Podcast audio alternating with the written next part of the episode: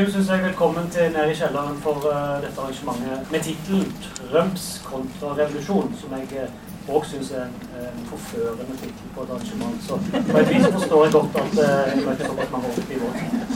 Og vær så god til den.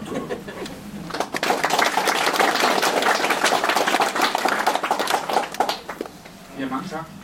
Og uh, tak fordi der er mødt så mange mennesker op på en øh, tidlig lørdag formiddag. Øh, som sagt, øh, jeg har lige lovet at give en, øh, en kortere eller lidt længere øh, præsentation af, af Mikkel. Mikkel er dansk øh, kunsthistoriker med afsæt i den, den marxistiske kulturteori. Og så tror jeg ikke, at det er forkert at sige, at du tilhører den venstreaktivist, det venstreaktivistiske miljø i København. Mikkel Bold har udgivet en lang række bøger om avantgarden, om revolutionære tradition og om samtidskunst. Han er med i redaktionen af det akademiske tidsskrift K&K, og så har han tidligere redigeret tidsskrifterne Øjeblikket og Mutant. Mikkel Bold førte gennem flere år en samtale med Lars Bækværk, i dag kendt som forfatteren Madame Nielsen, om liv og kunst, som blev samlet i bogen i sammenbrudets tjeneste, som udkom i 2008. Derudover har Bold altså haft en stor interesse for den historiske situationisme og for billedpolitik. Og så har han ikke mindst gjort sig bemærket i Danmark ved at kritisere samtidskunsten for at være for ukritisk og for at forene sine kræfter med neoliberalisme. Folk har i vid forstand været medvirkende til at genlancere marxismen i den danske offentlighed og kritiseret den danske venstrefløj for at gå for hårdt, for ikke at gå hårdt nok op imod øh, den kapitalistiske verdensorden. Vi sidder i dag selvfølgelig for at diskutere og tale om øh, Mikkels seneste bog, Trumps øh, kontrarevolution, som udkom lidt tidligere i år. Øh, og det er jo unægteligt lidt på en kedelig baggrund af, at bogen den er skrevet. Øh, du nævner i, øh, i bogen, at det er som om, at der er flere kriser, der samler sig i, i Trump. Øh, selvfølgelig har vi finanskrisen i 2008, som måske skabte grundlag for nogle bevægelser, vi ikke rigtig har set de sidste 50, 60 år, måske 70 år i Europa. Og derudover så, øh, så er der jo også andre kriser, altså som, som flygtningekrisen, som vi selvfølgelig altid støder på i aviser og medier i de her tider. Øhm, og jeg tror, man kunne nævne mange flere, men altså, det er også som om, at tingene begynder at samle sig i måske endda en demokratisk øh, krise. Lidt som man så i mellemkrigstidens Europa i 30'erne. Øhm, minder den tid, vi lever i, om, om, om, om 30'erne, eller, eller hvordan afviger den også på nogle punkter? Ja, jamen tak for introduktionen øh, og invitationen. øh, jamen det, det, det gør den selvfølgelig. Det det det er en del af, øh, af min analyse i bogen. Ikke? Altså, man kan sige, det er et forsøg på, som, som, som så mange andre, som os alle sammen, ligesom at forsøge at finde ud af, hvad, hvad er Trump et symptom på? Hvad er det, han ligesom er et udtryk for? Øh, og han er selvfølgelig et, et, et enormt paradoxalt fænomen i sig selv. Øh, falderede byggematadorer, øh, der, øh, den der underlige, store pralende, øh, altså åndsomøk, eller hvad han ligesom er. Ikke? Øh, så, så, så han er selvfølgelig ligesom på nogen måder studie værd i sig selv som fænomen, men det jeg forsøger i, i bogen, det er jo på en eller anden måde ligesom at øh, forankre Trump i, i et længere historisk forløb, og netop forsøge at finde ud af, hvad, hvad er det, han ligesom, hvad er det, han er et udtryk for. Øhm, så, så derfor har jeg selvfølgelig også gang i nogle forskellige sådan, historiske analogier eller paralleller, ikke at forsøge at overveje, jamen, hvad skal vi så, hvordan skal vi tale om Trump, hvordan skal vi forstå ham. Øhm, og man kan sige, at jeg har, øh, der er ligesom tre overordnede greb i, i bogen. Øhm, og det ene ligger selvfølgelig allerede i titlen, at jeg siger, at Trump skal forstås som en kontrarevolution. Øhm, og man kan, det må du gerne uddybe. Ja, og, og man kan sige, hvad skal vi sige, de første mange sådan, ligesom analyser af, af Trump, øh, men også fænomener som, som Brexit for eksempel, ikke? og øh, væksten i forskellige øh, højre radikale eller højre nationale øh, bevægelser og partier i Europa og andre steder, den, den, hvad skal jeg sige, den, den, den, den første sådan analyse er jo selvfølgelig, at øh, Trump på en eller anden måde ligesom er et udtryk for protest. Ikke? Altså, så det er ligesom tilbage til, til den der øh, krisediagnose. Altså at vi, øh, at vi på en eller anden måde ligesom er i en historisk situation kendetegnet ved ved, ved mange kriser, eller at en lang række forskellige krisetendenser på den måde tenderer til at konvergere i, i en stor krise. Øh, og det er selvfølgelig altså mener, finanskrisen, der bliver til en økonomisk krise, øh, som bliver øh, noget, der øh, forårsager øh, en masse politiske udviklinger. Ikke? Så den økonomiske krise fortsætter bliver til en form for politisk krise, øhm, og bliver faktisk også en krise for, for staten i en lang række lande. Ikke? Øh, og det er jo ligesom forløbet fra 2007 og 2008 og, og frem, og hvor Trump og Brexit på en eller anden måde ligesom er det politiske øh, hvad skal vi sige, det politiske gennemslag den her økonomiske krise. Øh, gennemslag i, i det politiske, hvor vi kan se, at øh, den allerede etablerede politiske horisont eller dagsorden har svært ved at reproducere sig. Altså den kan ikke, øh, den kan ikke bare fortsætte som, som før. Så der er en eller anden form for normalitet, der er en eller anden form for, øh, hvad skal vi sige, der er et system, der, der på en eller anden måde ligesom har det svært. Og, og det kalder du det neoliberale øh, på mange måder, ikke? Jo, i mangler en bedre term, det er jo, det, det er jo sådan et eller andet noget, der skal vi sige, hvordan skal vi ligesom, hvordan skal vi beskrive, øh, hvad skal vi sige, den, den seneste fase af øh, kapitalistisk akkumulation, ikke? Og det, det mangler en bedre term, øh, vil, vil jeg som så mange andre selvfølgelig sige, jamen, øh, at det, vi kan beskrive det her, den her økonomisk, økonomiske og politiske øh, krise som at den neoliberale ideologi, øh, dens ideologiske hegemoni, er blevet alvorligt udfordret og har svært ved på en eller anden måde ligesom at, og, øh, ja, det hegemoni er, er i opløsning på den måde. Ikke? Og Trump er jo et oplagt eksempel på det. Så det er ligesom, at der er en eller anden form for utilfredshed, hvis det ligesom er USA, vi taler om, så er det jo, så er det jo ligesom finanskrisen, jamen den synliggjorde øh, en en, en voldsomt øh, eskalerende ulighed internt i USA. Øh, og den, den havde jo sådan set, øh, altså statistisk havde, jeg skal sige, var det sådan set ikke noget nyt. Altså man kan sige, det er jo sådan set en udvikling, der går tilbage til starten af 70'erne. Så det er sådan set et, et, et 40 år langt forløb, men et 40 år langt forløb, som på en eller anden måde ikke rigtig har været synligt. Og det blev pludselig med et i 2007 og 2008 så faktisk synliggjort. Altså at øh, at øh, den, den, hvad skal vi sige, samfundskagen var blevet stadig mindre i USA, men at den her samfundskage øh, faktisk var for, blevet fordelt mere og mere ulige. Så de rige havde fået mere og mere af den her kage. Den her udvikling var, var, havde været delvist usynlig, takket være introduktionen af enorme mængder af gæld og kredit. Altså så det er jo ligesom beskrivelsen af de sidste 40 år økonomisk udvikling. Hvad er det, ligesom, hvad tager den form af? Jamen, den tager form af i, i USA og, og, og i Europa, i Vesteuropa, er udflytning af en masse arbejdspladser, ikke så outsourcing. Og i, i lande som USA et, et, et øh, reallønsfald. Altså så hvis, hvis, hvis den amerikanske arbejder, arbejderfamilie i 60'erne kunne overleve på én løn, jamen så blev det fra starten af 70'erne og frem nødvendigt at supplere den her ene løn, som faren havde i familien, med stadig flere lønninger. Så faren skulle have flere jobs, moren kom på arbejdsmarkedet, og de havde stadig svært ved at reproducere sig selv. Men det kunne så lade sig gøre, takket være introduktionen af en masse gæld. Og det er jo de her gældsbobler, som så eksploderer i 2007. Og den her synliggørelse af den her kæmpe altså outsourcing af gæld, af, øh, at de rige er blevet meget, meget mere rige, øh, hvad skal vi sige, jamen den, den, den, den sætter jo scenen for Occupy, protestbevægelserne, ikke? for Tea Party-bevægelsen, for, for, for masse social uro. Og Black Lives, Black Lives Matter, du nævner jo i bogen, at Trump er jo ikke bare en reaktion eller en protest mod markedsøkonomien, eller sådan som økonomien har udviklet sig i USA, men også altså en reaktion, mener du jo, i for, øh, mod Black Lives Matter især, måske også Occupy Wall Street. Jamen det er så det, der netop går hen og bliver hvad skal vi sige, øh, den almindelige læsning af Trump vil jo være, at han er selvfølgelig et udtryk for protest. Ikke? Det er ligesom, at de, de forladte, øh, hvide, de forladte hvide arbejderklasse øh, har på en eller anden måde ligesom fundet et talerør i Trump. Så det er ligesom Trump som protest, ligesom det er Brexit som protest for eksempel.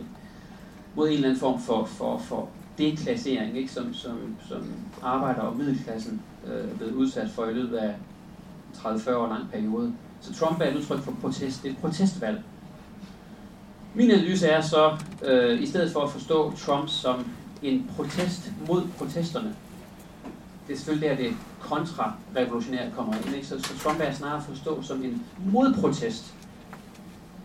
Øh, så mit udgangspunkt øh, i bogen er jo på en eller anden måde ligesom øh, de her forskellige øh, fragmenterede, spredte, men, et eller andet sted også overlappende øh, protestbevægelser, ikke, som har set dagens lys i, i USA, men også i mange andre dele af verden. Ikke? I USA det er jo selvfølgelig, som du siger, primært Occupy Wall Street, ikke? Som, som protesterer mod frikøbet af bankerne, mod den her eksploderende ulighed, mod neoliberalismen på en eller anden måde. Og så Black Lives Matter, øh, som er en protestbevægelse, der fokuserer på øh, racistisk politi, men selvfølgelig også på øh, racemæssige ulighed, som, som, som, øh, som stadig findes i USA. De to bevægelser i USA, globalt er det selvfølgelig sådan noget som de sydeuropæiske pladsbesættelsesbevægelser, ikke? Der, der ser dagens lys der i 2010 og 11. I Spanien, Grækenland, øh, en række andre lande. Og så selvfølgelig ikke mindst øh, de arabiske revolter, ikke? Der, der dukker op i øh, januar 2011 øh, Tunesien, Ægypten spreder sig til, til Libyen, Syrien og en lang række andre øh, lande i Nordafrika og Mellemøsten. De udgør til sammen øh, en eller anden form for begyndende genopdagelse af et revolutionært perspektiv, argumenterer jeg for. Øhm, og jeg foreslår at læse Trump som et forsøg på at annullere det her alternativ, øh, annullere det her perspektiv. Så det er den forstand, at Trump er en kontrarevolution. Han kan et forsøg på at afspore formuleringen af en, et revolutionært perspektiv. Jeg, jeg kalder så i, i sådan et, netop et længere historisk forløb, ikke, så, så, så ser jeg selvfølgelig om, jamen, at, at det, det er klart, at de her bevægelser er jo enormt sammensatte. Altså bare sådan noget som Occupy Wall Street for eksempel, ikke? Jamen, det er klart, at der var øh, forskellige moraliserende kritikker af, af, af bankerne for eksempel, ikke? Øh, af deres, øh, af deres øh, måder at, at låne penge øh, ud til folk på, og bunde lån øh, og så videre. Så der var en form for moraliserende kritik af finanskapitalen. Øh, folk, der bare ønskede deres job eller hus tilbage. Og så også mere sådan, hvad skal vi sige, sammenhængende øh, kritikker af både af den neoliberale kapitalisme, men også af kapitalismen som, som sådan. Så sådan en, et sammensurium af alle mulige forskellige former for protester og kritikker i Occupy, og så set i alle de her fænomener, ikke? Øh, Black Lives Matter og de arabiske revolter osv. Så, så, så det er klart, vi, vi har ikke at gøre med øh, en, hvad skal vi sige, en, en fuldt færdig formuleret revolutionær position, som i 1917, øh, vi kan høre om lidt senere hos Tariq Ali, øh, eller i maj 68, eller noget af den dur. De her protestbevægelser, de finder jo netop sted på baggrund af en 40 år lang afvikling af forestillingen om det revolutionære. Altså det vil jo være en beskrivelse af perioden fra, fra, øh, fra starten af 70'erne på mange måder, og så frem til i dag. Det vi i mange af bedre term kalder den neoliberale periode. Hvad er det? Jamen det er jo ligesom en eller anden forestilling om, at som, øh, som amerikansk den amerikanske litteraturhistoriker Frederick Jameson siger, og Slavoj Žižek, den slovenske psykoanalytiker, siden har citeret ham for at sige mange gange, jamen det der med, vi kan alle sammen sagtens forestille os, at kloden øh, går under i en eller anden klimakatastrofe, men der er stort set ingen af os, der kan forestille os en anden måde at indrette samfundet på end kapitalistisk. Altså, så det han forsøger at beskrive Jameson, jamen det er jo, at der har fundet en eller anden form for hvad skal vi sige, annullering eller forarmelse sted af, af vores forestillingsverden. Vi kan simpelthen ikke forestille os en anden verden. Øhm, og det er på en eller anden måde det, der er den, hvad skal vi sige, det er jo den neoliberale ideologis succes, at, at, at vi simpelthen ikke kan forestille os, at det kunne være anderledes.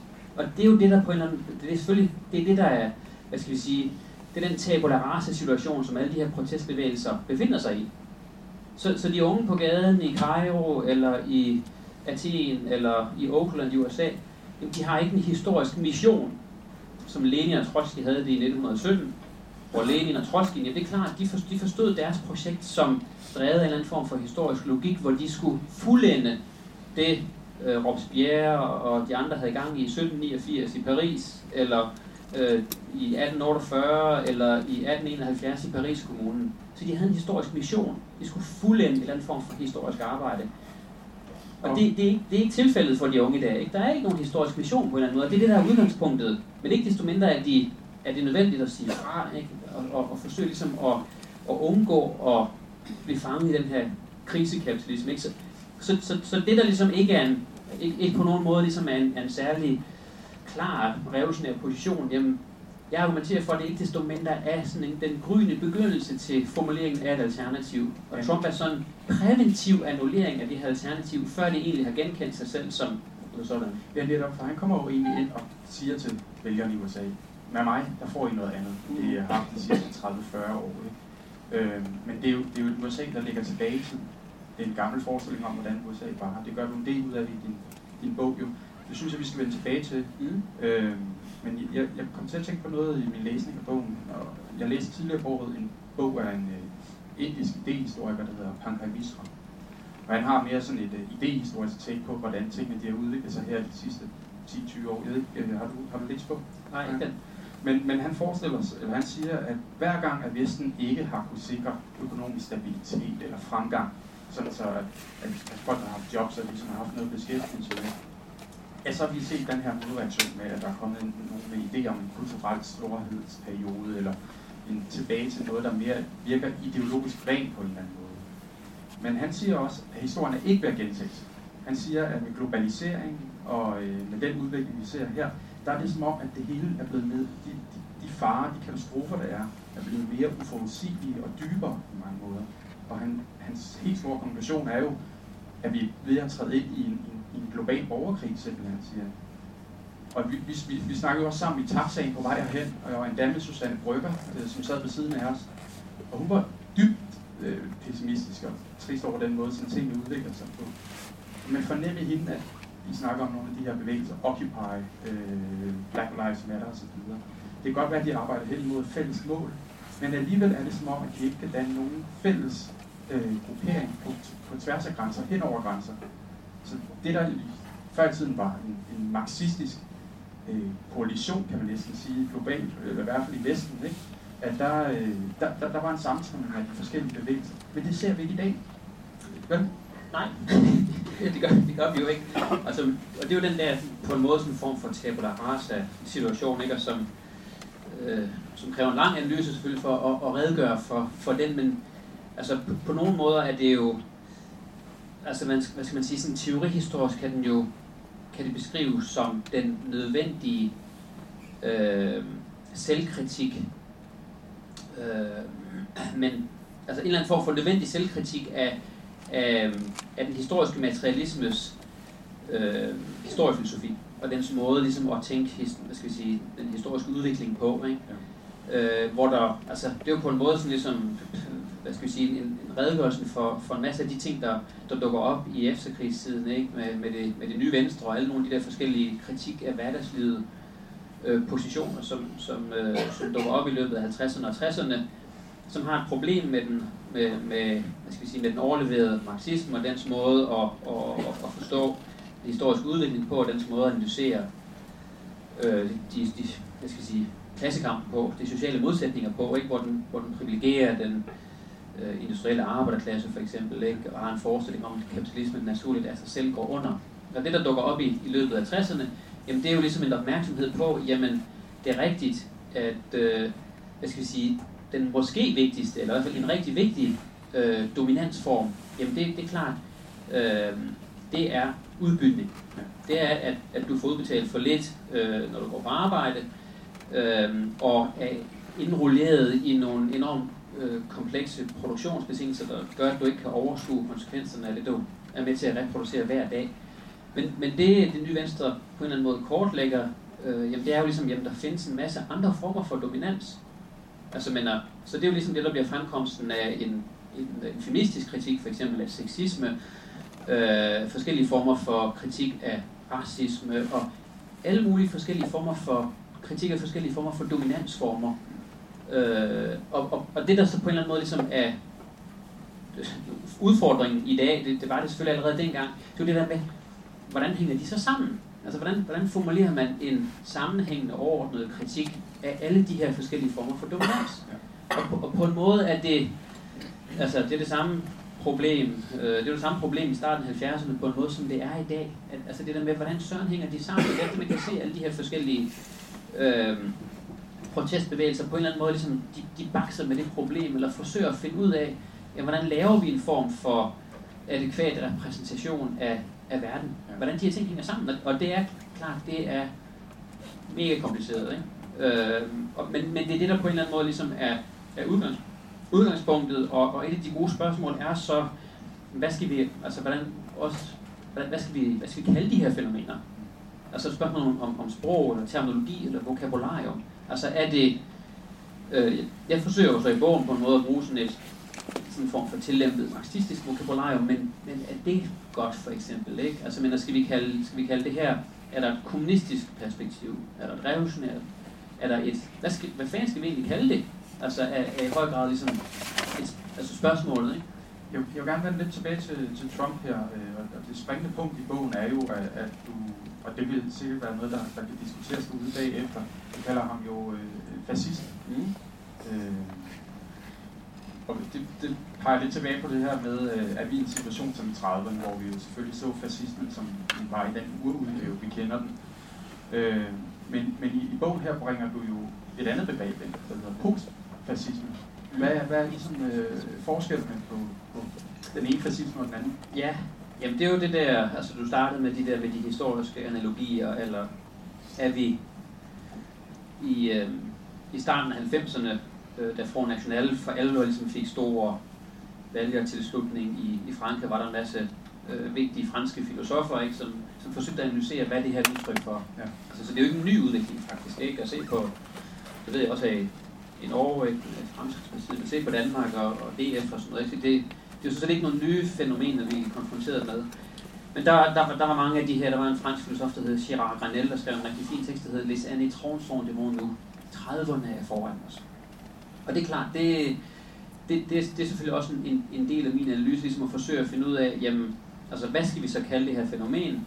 Jeg forsøger at argumentere for, at det er en form for protest mod nogle protester, så det er et eller andet forsøg på at afspore, øh, hvad skal vi sige, fremkomsten af en eller anden form for alternativ politisk eller revolutionær position, eller hvad vi skal kalde det.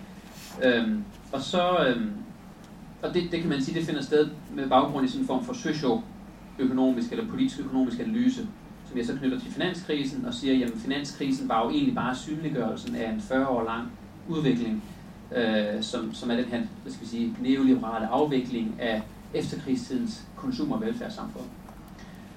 Så det, det er på en eller anden måde, hvad skal vi sige, den sådan politisk-økonomiske, socioøkonomiske analyse. Så laver jeg sådan en form for retorisk eller ideologikritisk analyse, hvor jeg siger, jamen, hvis vi, altså Trump er et paradoxalt fænomen, ikke? men hvis vi ligesom skal forsøge at finde ud af, hvad, hvad, hvad for en politik har han, hvis han har nogen politik, ikke? Altså det er jo det, der ligesom også er kompliceret, for han siger, han siger mange ting, ikke? men han siger også enormt mange modstridende ting, og siger, at han ikke har sagt de ting, og så, så, så det er ligesom politik på, på en anden måde, han har gang i. Men jeg laver i bogen en, en analyse af øhm, hans tiltrædelsestale, hvor jeg ligesom så forsøger at identificere, hvad er det ligesom for nogle motiver, der er ude og gå der, ikke?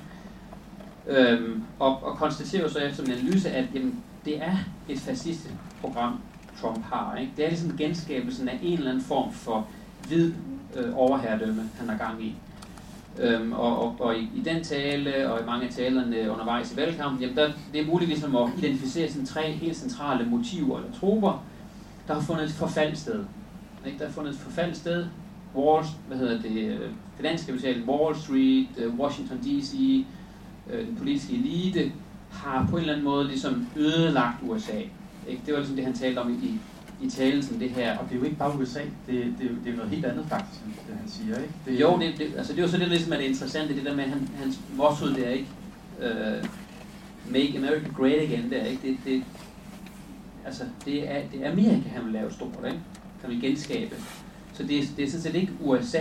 Altså, så der er sådan nogle interessante og, og, sproglige... hvad, hvad er forskellen på de Ja. to, som du, du læser? Ja, der er nogle interessante sådan, sproglige glidninger der, ikke? Hvor, hvor det jo som andre ord ikke ligesom er USA, nationalstaten USA, med de indbyggere og borgere, der nogle gange befinder sig, befinder sig i USA, men Amerika. Så det er ligesom, det, det, det er noget andet, han på en eller anden måde taler ind i og taler til, så det er sådan en eller anden form for, hvad skal vi sige, spirituelt, metafysisk fællesskab, snarere end det faktisk eksisterende, det faktisk eksisterende nationalstat. Så det, så det er sådan en eller anden form for, der finder en eller anden form for glidning sted, hvor øh, det på en eller anden måde, altså det han har gang i er ikke et traditionelt politisk projekt.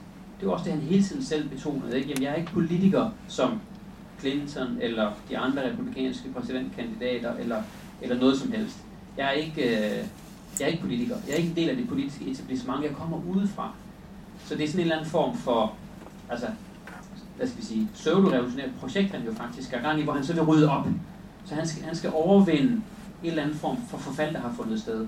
Han taler om, at der har fundet det, det, det, sådan en form for blodbadested. Ikke? Arbejdspladserne er jo blevet flyttet til Mexico eller Kina og så videre. Så, ikke? så han, han, han, det sjove med Trump er jo det der med, at han paradoxalt nok adresserer den her 40 år lange neoliberale nedslidning, infrastrukturen, der forfalder, arbejdspladserne, der forsvinder osv. osv. Det, det, det, det, det, det får han jo faktisk adresseret på en eller anden form for øh, paradoxalt pervers måde, og tæller ind i, de, ind i den utilfredshed, der findes, men giver det så en retning. Jeg kunne godt tænke mig at høre til, hvad, hvad er det, der ligesom gør, at Trump ikke bare er en klassisk konservativ, reaktionær skikkelse, vi, vi, vi kender, som, som gerne vil tilbage til noget i fortiden, som har været der, og, og det er det, vi skal genopbygge, gendanne. Det, det, der skal ske en genfødsel, som du også siger. Det ligger jo også i en klassisk øh, konservatisme på mange måder.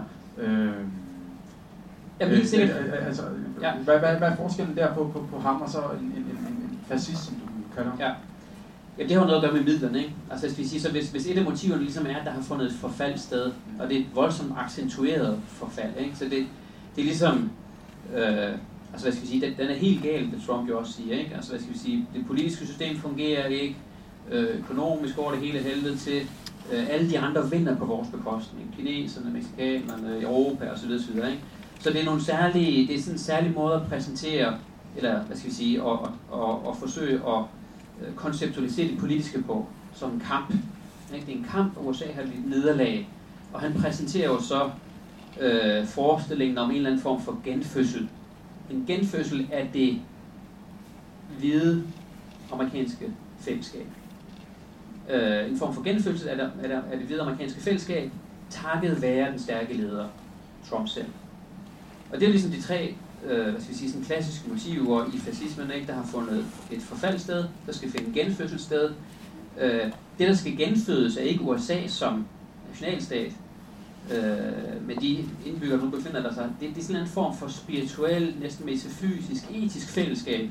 Den, altså, og, og i talen, for eksempel indsættelsestalen, der bruger han jo, øh, hvad skal vi sige, jeg ved ikke om det er intelligent, men bruger ligesom har sådan nogle forskellige øh, vendinger og fraser hentet fra sådan en, en, en klassisk øh, amerikansk vidhedsdiskurs, som han på en eller anden måde ligesom øh, animerer og taler ind i med det tavse, den tavse majoritet og, og så videre. Ikke? Men, men kan, du, kan du forstå det, hvis der sidder nogen derude og tænker, jamen nu kalder du Trump fascist, og øh, vil det sige, at Trump er ligesom Hitler? Altså kommer du ikke til at, ja. at, at forklejne øh, 30'ernes virkelig endnu mere brutale øh, fremfærd?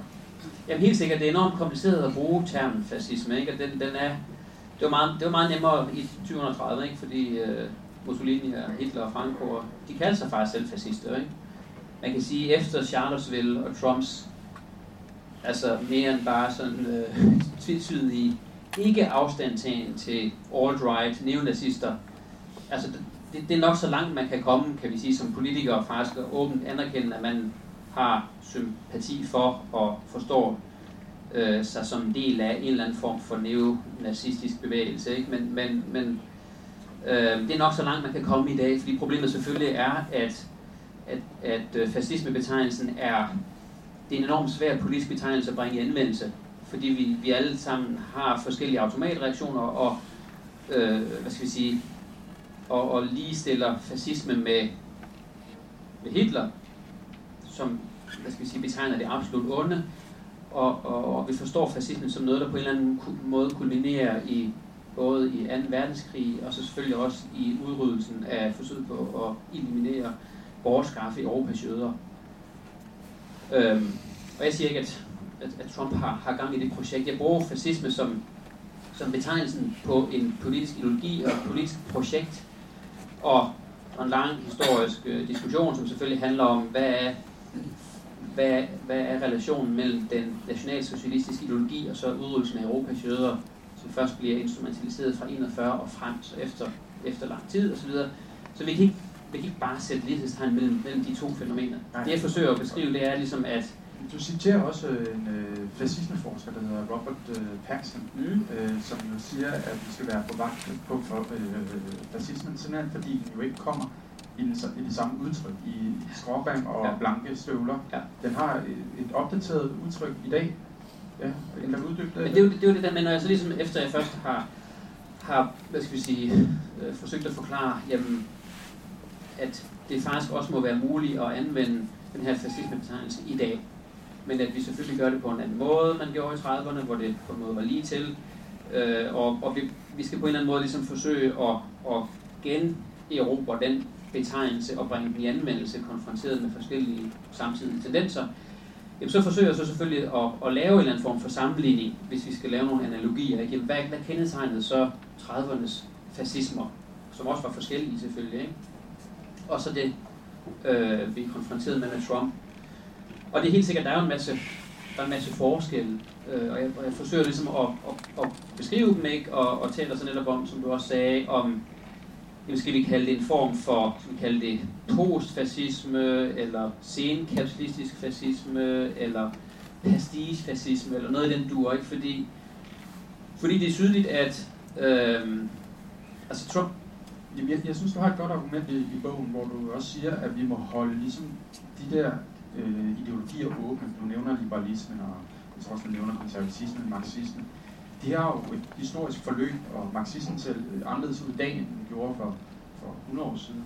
Øh, og derfor må vi også med fascismen holde den åben på en eller anden måde, at den kan komme igen i en anden fortolkning, i en anden udgave. Ja, ja jamen, det er jo det, er jo det der med, altså, det er jo det, det de fleste fascismeforskere siger, eller politiske teorier, der beskriver fascisme i det hele taget som, som ideologi eller, eller politisk program, de hæfter sig jo ved det øh, fænomen, at jamen, 20'ernes og 30'ernes europæiske fascisme var også relativt forskellige. At fascismen øh, vil tit blive beskrevet som sådan en form for polaritetsmaskine, som, som, som, som er enormt svær at kortlægge ideologisk, øh, hvis man sammenligner med socialisme og liberalisme for eksempel, som er sådan relativt konsistent og sammenhængende.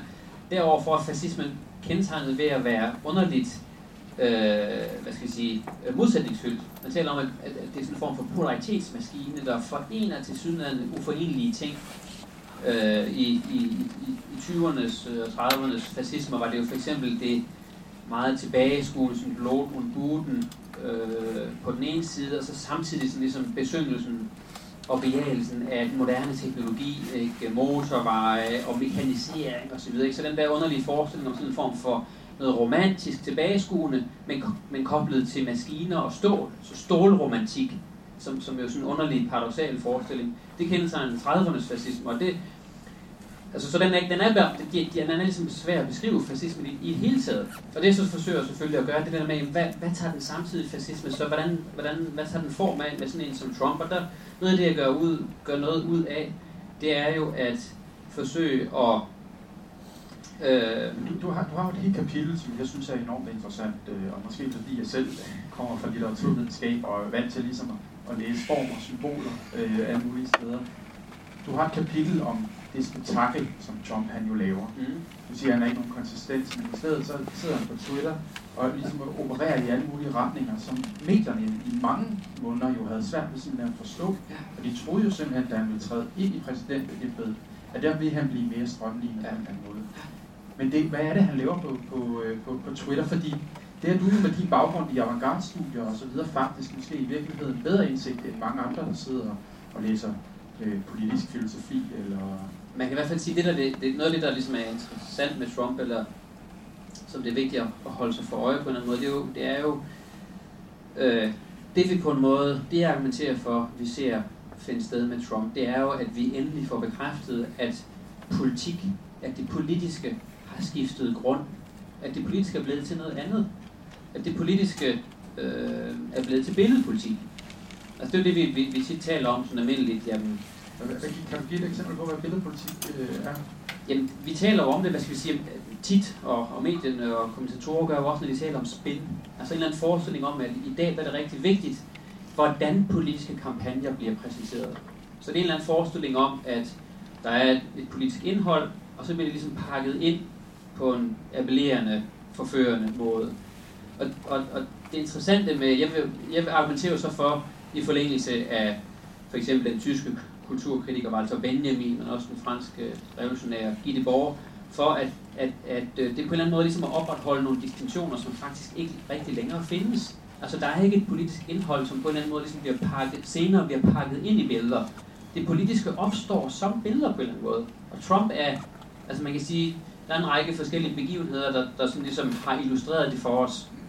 Øh, og måske mere end nogen andre. Altså Trump er, er, vil være det ene af de vil være, vil være et rigtig godt eksempel på det, men ellers så er 9-11 selvfølgelig et andet eksempel. Altså som jo, hvad skal vi sige, var en anden underlig form for et terrorangreb og en billedbegivenhed. Et terrorangreb som billedbegivenhed, hvor det vigtige jo netop var, at kameraerne ligesom var fokuseret ind på World Trade Center, da det andet tårn blev ramt øh, af fly nummer to. Øhm, og, og Trump er på en eller anden måde, hvad skal vi sige, selve det sted, hvor øh, distinktionen mellem politisk indhold og politisk form det er enormt svært at, at, at, altså, men at, at, at, hvad skal vi sige, at lave den distinktion, og hvor det på en eller anden måde ligesom går, går i opløsning, og man kan se politiske kommentatorer, journalister, og, politiske, og politikere hvad skal vi sige, operere med, med sådan hvad skal vi sige, en, en, en gammel forestilling, en forældet forestilling om politik, når de så forsøger at fange Trump i en løgn eller, eller noget faktuelt forkert. Ja. Fordi han lever bare videre, eller siger noget andet. Han er ligeglad simpelthen ikke. Det vigtigste er ikke, det er ikke sådan et eller andet habermasiansk ideal om rationalitet. Det, altså, politik har ikke længere noget at gøre med det. Det ene argument vinder over det andet. Ja, det, det, det bedste argument vinder, og vi har en eller anden for, forestilling om en fælles gode, som vi alle sammen arbejder for. Det gør Trump ikke, det har han jo suspenderet. Så, så, så, så alle de der distinktioner mellem sandt og falsk er, er lige meget. Ikke? Han, har, han, han bruger 120 bogstaver, og så sidder han og ser fjernsyn, ser sig selv på fjernsynet, Twitter, når han ser sig selv på fjernsynet, sige et eller andet, og så, så bliver det der underlige, sådan nærmest autoerotiske kredsløb, ikke? Hvor, en, altså, hvor, hvor enhver henvisning til den virkelige verden på en eller anden måde forsvinder, og hvor en dag næsten bliver en måned, og en uge bliver til et helt år, fordi der sker bare så meget med Trump. Altså det der med, hvis man ligesom skal forsøge at følge med i, hvad han, hvad han har gang i, og de første 100 dage, ikke, hvor han ligesom bombarderede os med executive orders, og så sagde han én ting, og så sagde domstolen noget andet, og så sagde han, at de ikke var legitime domstole, og så videre, så videre. Så det er sådan en eller underlig form for politik som underholdningsindustri. Man, man kan på en måde sige, at han er en virkelig dygtig avantgardist. Ja, altså hvad skal vi sige, han, han er jo i hvert fald, øh, altså Walter Benjamin, den tyske kulturkritiker, ikke? Han, han forsøgte jo at beskrive den tyske og italienske fascisme i 30'erne som en æstetisering af politikken. Altså som, som øh, det her, den her enormt komplicerede eller komplekse sammenblanding af, af områder, som egentlig burde være adskilt i det moderne samfund. Det moderne borgerligt kapitalistiske samfund er kendetegnet ved, at kunst er kunst for eksempel. At kunsten skal ikke adlyde eksternt definerede regler. Kunsten er på kunstinstitutionen. Ikke? Det skal ikke være en, en, en afbildning af statsministeren. Kunstneren skal bare selv finde på et eller andet derhjemme i atelieret, ikke? Og, så, og, så, og så putte det hen på kunstmuseet bagefter. Og det Benjamin konstaterer med, med fascisme, det er det der underlige fænomen, ligesom at politik går hen og bliver til sådan nogle underlige æstetiske scenesatte masseoptog og demonstrationer, og for Hitler var det enormt vigtigt, at han ligesom var, øh, altså han var ikke falderet mit han selv, men kunstner, ikke? så han skabte på en måde den ariske race som et stort kunstværk. Ja. Og, og, og hele den der underlige sammenblanding af de der, hvad skal vi sige, diskursive sfære, æstetik og politik. Trump er jo på en eller anden måde sådan ligesom det samtidige eksempel det på det. forstår han jo virkelig at spille bedre end Hillary Clinton formentlig gjorde, ja. eller ja. det faktisk gjorde ja. faktisk. Ja. Øh, og, og bare sådan nogle symboler, som den der røde baseball cap, altså, ja, ja. det er billedpolitik, som du siger, ja. det er symboler. Øh, det er det, der tydeligvis måske animerer vælgere, øh, der er derude, som i forvejen er brede, men ikke rigtig kan finde ud af, hvor de skal kanalisere ja. tingene hen, så er det jo bare nemmere for dem at finde det igennem symboler, end det er igennem ren argumentation. Det er jo sådan, man skal forstå det, ikke? Jo, og så, og så pointen jo selvfølgelig det der med, at han, altså, men, den historie, han fortæller, er jo en historie, som vi kender fra de sidste 100 års populærkultur. Fra radio, fra film, fra tv-serier, fra spil osv. osv.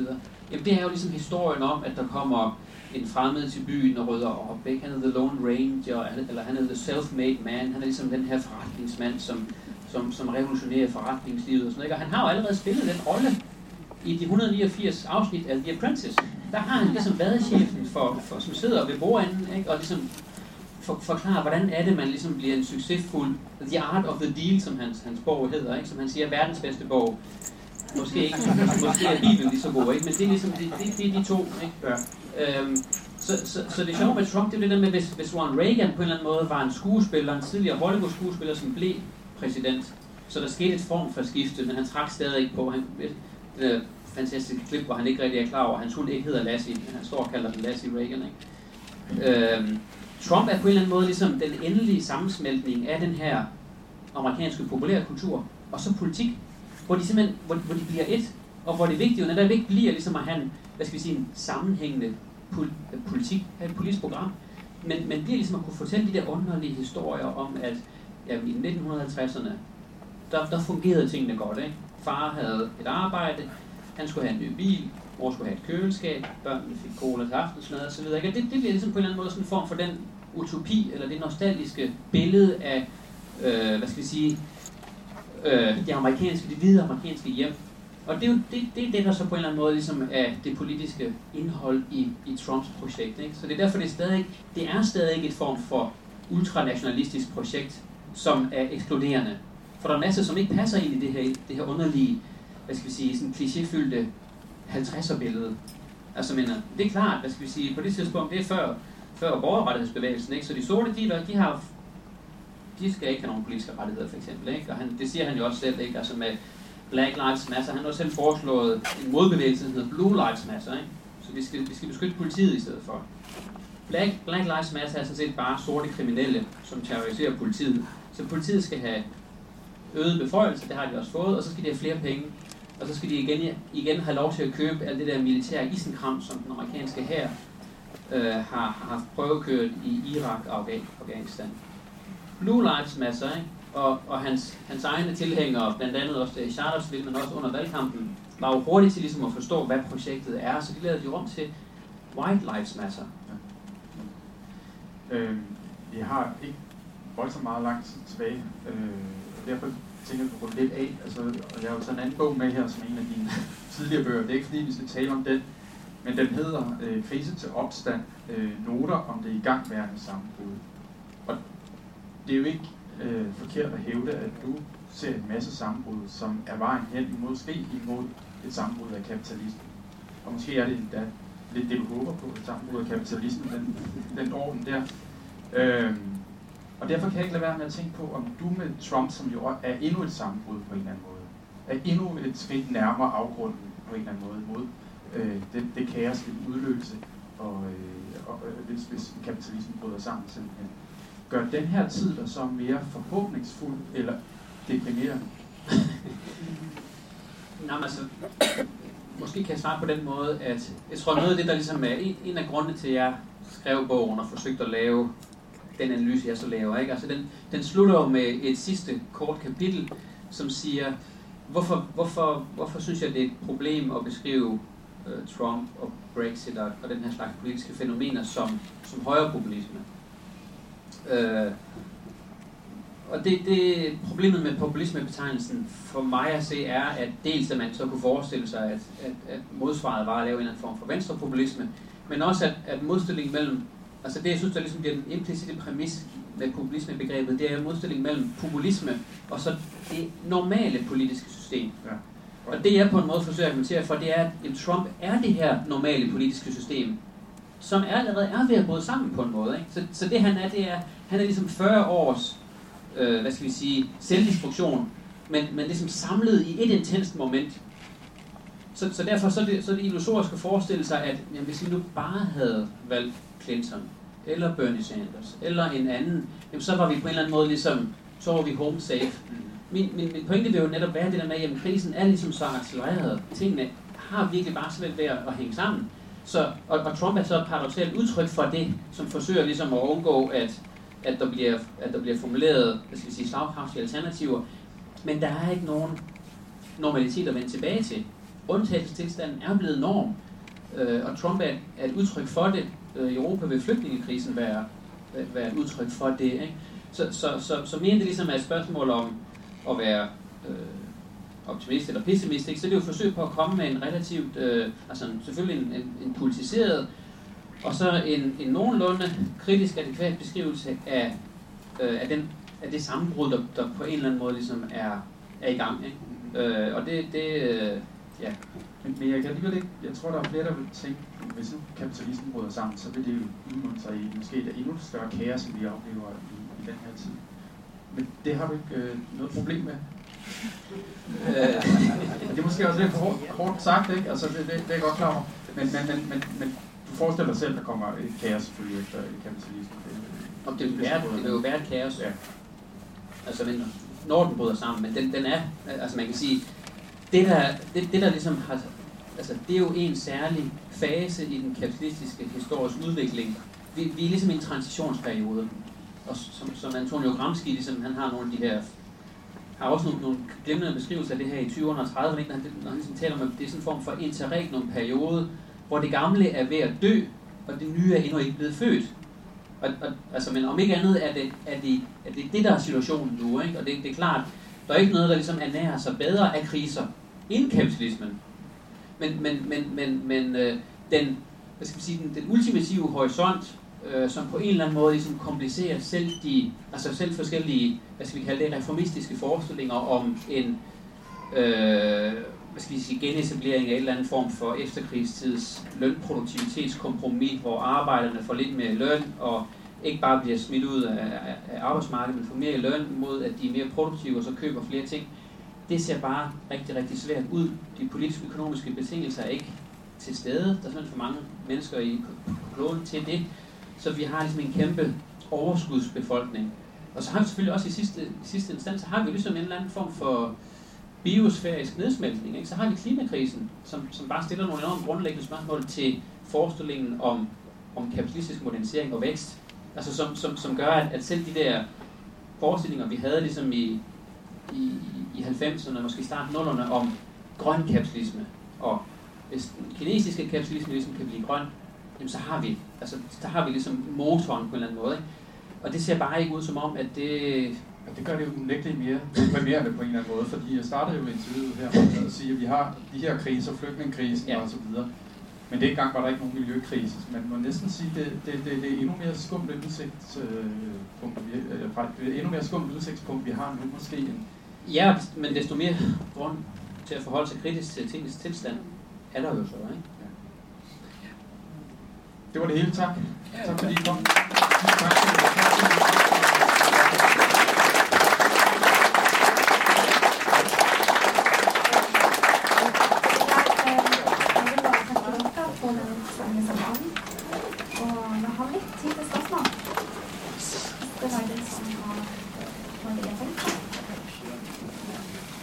Altså, det det er interessant å høre på den samtalen mellom dere, men jeg savner på en måte øh, et videre syn på Kan Trump virkelig få lov til å fortsette med sin kurs uten at noe skjer med ham?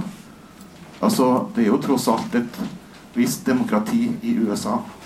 Og han har mange motstandere. Han har mange som hater han, rett og slett. Og er ikke en mulighet for at han vil falle før, lenge før fireårsperioden er ute?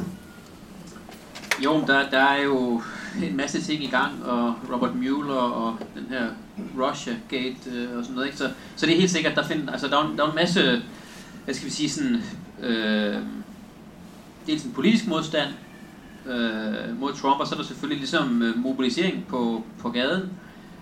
Øh, øh, der var en, der stillede et lidt lignende spørgsmål i, øh, i onsdags, øh, efter at have talt om bogen. Øh, som, altså det allerførste spørgsmål, det var ligesom, tror du, der er nogen, der skyder Trump? en, en variant af spørgsmålet, kan man sige, ikke? Øh, jeg, jeg ved det ikke. Jeg ved ikke, ligesom, hvad, der, hvad, hvad, der, hvad der finder sted med Trump. Altså man kan se, at, at såvel det, det republikanske parti som, som demokraterne har jo svært ved at finde ud af, hvad fanden skal de gøre. Altså, mener, nu, og nu, nu begynder de så på en eller anden måde at samarbejde med Trump, og øh, nogle amerikanske medier har ligesom synes, at det var positivt, at han så faktisk kan bryde de her øh, tidligere partilinjer og sådan noget. Ikke? Det, det, det, det har jeg svært ved at se som, som noget positivt. Det er, jo, det, er jo, det er jo mere ligesom bare Trump som den der totale underlige øh, et, en figur, som på en eller anden måde ligesom kan fremstille sig selv som, som noget, der, der transcenderer de der partiskil. Ikke? Øh, demokraterne, det er svært for dem, ikke? fordi der, der, der er en masse analytikere og kommentatorer, som siger, at projektet for dele af de ultrakonservative var jo fra starten af ligesom at få Mike Pence kørt så tæt på magten som muligt. Og, og altså, men, så, så hvis det er sådan, at, at, øh, at Trump er nødt til at træde tilbage, jamen, så, kan, så kan den her sådan ligesom relativt normale, velfungerende, hardcore øh, konservative politiker Mike Pence så gå fra at være vicepræsident til at blive præsident. Og det, det er klart, det ved demokraterne jo for eksempel også godt, ikke? Så hvordan skal de ligesom forholde sig til, det, til, til, øh, til, til de der forskellige øh, sager, der kører? Hvor, hvor, skal, de, skal de samarbejde med ham? Skal de forsøge at isolere ham og lade, lade ham implodere? Øh, fordi han ikke kan finde ud af at samarbejde med Mitch McConnell og Paul Ryan, øh, hvad hedder det, fra republikanerne, ikke? Øhm, jeg ved, jeg ved det ikke, altså hvad skal vi sige, hvad, hvad den, den der, øh, hvad skal vi sige, sådan interne politiske kamp kommer til at øh, udspille sig. Det jeg synes er noget af det interessante, det er det der med, at man kan se, at, at det på en eller anden måde ikke rigtig fungerer. Altså jeg skal sige, der er nogle ting, der sådan ligesom øh, glider rundt på en eller anden underlig måde. Ikke? Øh, altså, øh, han kommer og overtager på en måde det republikanske parti udefra. Selvfølgelig er der en masse, han har, han har nogle rigtig vigtige øh, alliancepartnere og kræfter, dog, dog, dog øh, altså mener, øh, det er ikke så meget kokbrødrene som, som, øh, som, som Robert Mercer og dem, der står bag Blackwater og sådan noget, ikke? Så, så en del sådan, ligesom af sådan et militær, industrielt underholdningsapparat har en masse, masse penge investeret i, i Trump og, og, og, og fik jo placeret Steve Bannon der i en periode som, som, som specialrådgiver. Øhm, og hvordan de der forskellige alliancer og hvordan de ligesom, hvordan de hænger sammen og hvordan de ligesom udspiller sig, jeg ved det ikke, men man kan, man kan i hvert fald bare konstatere, at de, de er kommet rigtig tæt på magten, hvis ikke de ligesom har den de facto. Men det, det er svært at vide, ikke? Altså, det er jo den der populære repræsentation af, at, at datteren og svigersønnen er ligesom de progressive, globaliseringsvenlige typer, ikke? som så alligevel måske mødes med Roosevelt og alle mulige andre ting. Ikke? Og så har vi så på den anden side Steve Bannon og de andre, som, som så ligesom er øh, protect, går ind for protektionisme og en eller anden form for nationalisering af det hele. Øh, jeg ved det ikke, altså hvad skal vi sige, ikke? Jeg, jeg synes den bedste beskrivelse af, af, af, af Trump som sådan, og, og hans, hans bagland er vel sådan en eller anden form for mafiøs finanskapital eller sådan noget, ikke? Hvor, hvor skillelinjen mellem øh, organiseret kriminalitet og finanskapital er, er svært ligesom at hitte redde på, ikke? Og koblet med det der underlige sådan populære kulturelle øh, det der Trump franchise imperium med Trump Towers og golfklubber og øh, den der underlige sådan ligesom øh, pompøse selviscenelse så sådan noget, ikke? Altså, som er en del af den der billedpolitik øh, dimension. Jeg ved det ikke. Jeg ved ikke, hvad der kommer til at ske. Altså, men hvad skal vi sige? Og noget af det interessante er så også det der med, hvor altså, det, det jeg forsøger i bogen er på en måde ligesom at sige, det er rigtig, rigtig vigtigt, men, men måske det er faktisk endnu vigtigere at, at, at prøve at forankre ham i et længere historisk forløb, så vi, ikke, så vi ikke kommer til at tale så meget om Trump, men mere ligesom at tale om det, han er et symptom på på en måde. Nogle, nogle under, hvad skal vi sige, sådan nogle, nogle, nogle, nogle, øh, nogle sådan accelererede krisetendenser. Så, og, og, og hvis han forsvinder, så vi får Mike Pence eller Clinton, eller hvem, jeg ved, hvad det er, jamen, vi, vi er på en eller anden måde ligesom i den samme, i den samme suppedags, tror jeg. Øh, det så Lad os forstå. I den siste setningen min så sa du egentlig det som jeg hadde tenkt å si, så jeg vet ikke hva mitt innlegg skal handle om. Men det er litt symptomatisk at første spørsmål det går på personen Trump. Hvordan kan jeg bli kvitt Trump? Og det sier noe om vår tabloide og naive måte å, å fremstille for enkle den politiske virkeligheten på. At det er en systemkrise det gjelder. Det gjelder verdens sterkeste militært uh, sterkeste land, som fører kriger i x antall Eh, land og har et uhyggelig arsenal av atomvåpen. Og vi ser nå hva som skjer i forholdet mellom eh, denne presidenten og, og Nord-Korea. Ja, Vi lever i en ytterst farlig situasjon. Eh, og så blir det hele redusert til spørsmål om mer og mindre gale, mm. absurde personligheter. Og tabloidisering av politikken, og, og, det gjelder jo dette spillet mellom uh, Trump og, og Nord-Koreas president. og Og òg Putin. Altså, altså hele den politiske virkeligheten, den utrolig sammensatte russiske politiske virkeligheten, Mm. blir tabloidisert til Putin. Mm. Putin, Putin, Putin, Putin. Mm. Det er så tøvete. Og det, det skygger for virkeligheten.